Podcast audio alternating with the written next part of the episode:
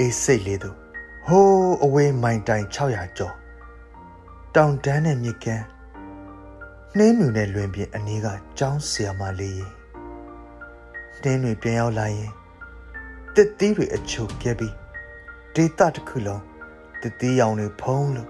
ပို့တလိုက်တော့တစ်သီးချင်းများလည်းရရှိခဲ့သို့တော့ဒီနှစ်တော့